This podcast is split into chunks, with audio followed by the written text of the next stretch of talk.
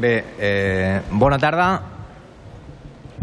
Bona tarda a tots i totes. Eh, si us sembla, comencem l'audiència pública prèvia al ple. Tenim una petició de paraula per la ciutadania, en aquest cas eh, per la plataforma d'afectats per la hipoteca. Teniu la, teniu la paraula. A Ripollet hi ha un greu problema amb l'habitatge i existeix des de fa molt de temps. No obstant això, i gràcies a la lluita autogestionada d'algunes, existeixen eines per solucionar els problemes d'habitatge o, si més no, millorar la situació i donar oportunitats a qui té veritables problemes per accedir-hi. Ripollet és un dels municipis de declarats com a zona tensionada. Això mateix, i sota l'empart de la llei 12 de 2023, permet als governs locals aplicar una limitació dels preus del lloguer i, d'altra banda, obligar les immobiliàries a cobrar els honoraris als propietaris. Coneixedors de tot això, mmm, saben que no s'està complint. Des de la part Ripollet-Cerdanyola ens preguntem com s'està implementant la llei vigent i què s'està fent per, per controlar que s'apliqui. Relacionat amb això últim, proposem i encoratgem tant al ple municipal com al nou govern a crear una oficina d'informació per solucionar dubtes i, sobretot, guiar famílies en els recursos i opcions que tenen per accedir a un habitatge digne. Així mateix, des de la PA, volem preguntar què pensa fer el nou govern per ampliar o directament tenir el parc d'habitatge públic ripolletenc, amb lloguers socials i a preus assequibles per a famílies amb pocs recursos. Ja per finalitzar la nostra intervenció, des de la plataforma d'afectades per la hipoteca, ens agradaria tenir una comunicació activa i bidireccional amb el nou govern local i en especial amb l'àrea social i amb habitatge, tal com la, la que vam tenir amb l'anterior govern. Si no, com bé us poden assegurar els vostres companys socialistes de Cerdanyola del Vallès, serem protagonistes habituals de les audiències ciutadanes. Moltes gràcies. Moltes gràcies. Eh, et contesto diverses coses. Per escrit et contestarem la part de, que estem fent eh, respecte a la llei, perquè és una llei molt nova. Això tenim, segons el, el ROM, t'ho podrem contestar per escrit, t'ho contestarem.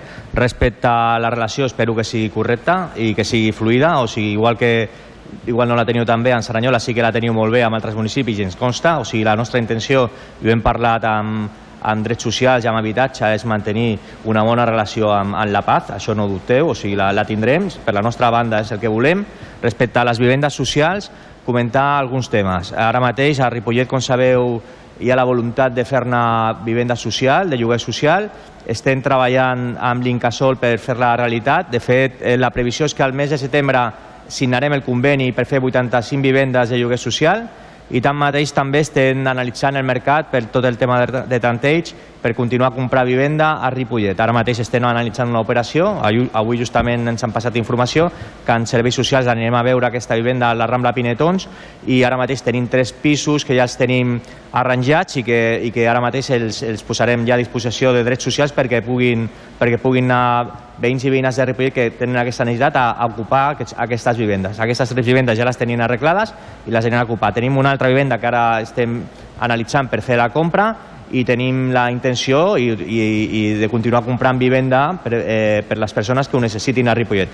És una política que ja es va iniciar amb l'anterior govern, amb aquestes tres vivendes que s'han arreglat i que nosaltres continuarem, continuarem fent, a, a més de les 85 vivendes, com et dic, que es faran a Pinetons, i que serà una realitat, espero, amb els propers quatre anys, que els trens que triga Incasol a, a fer-les a fer-les. Des de que s'aprova el conveni fins que les tinguem són entre 40 i 48 mesos. Aquí nosaltres no depèn de nosaltres, però nosaltres els terrenys els cedirem a l'Incasol per tenir aquestes vivendes, de les quals un 25% seran vivendes per persones joves de 18 a 35 anys i la resta eh, seran per emergència social, la gran majoria d'elles, eh, que es gestionaran directament per l'Agència per la, per Catalana d'Habitatge de la Generalitat de Catalunya. O sigui que espero que la relació sigui molt bona i respecte a la implementació de la llei és molt nova, l'estem analitzant ara mateix, però la nostra intenció és, eh, és, és la llei que tenim, la primera llei de vivenda que tenim en democràcia, és algo, ja hem començat per alguna cosa i l'anirem implementant eh, segurament de la, mà, de la mà de vosaltres, que no és la nostra intenció.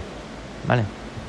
Aprofitant les seves paraules, senyor alcalde, m'agradaria incidir en un punt. Eh, fa un mes, escassament, vam sol·licitar una reunió tant amb vostè com amb la, regi amb la regidoria d'habitatge.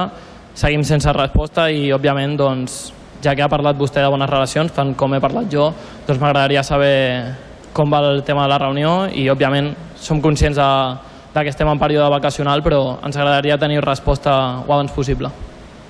Sí, sí, no, eh, la tindrem en breu. Ara, ara la regidora i jo comencem vacances, però a la tornada, la setmana de, de, de Festa Major, tenim previst eh, convocar-vos a...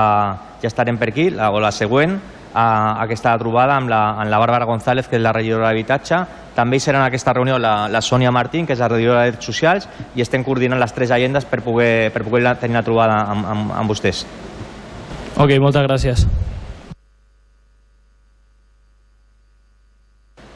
Molt bé, doncs donaríem per finalitzada la- l'audiència ciutadana i eh, tenim ara 10 minuts, perquè en 10 minuts comencem el Consell d'Administració de Genera. Per tant, fem un recés de 10 minuts i en 10 minuts comencem a l'hora estipulada 18.50 al Consell de Genera.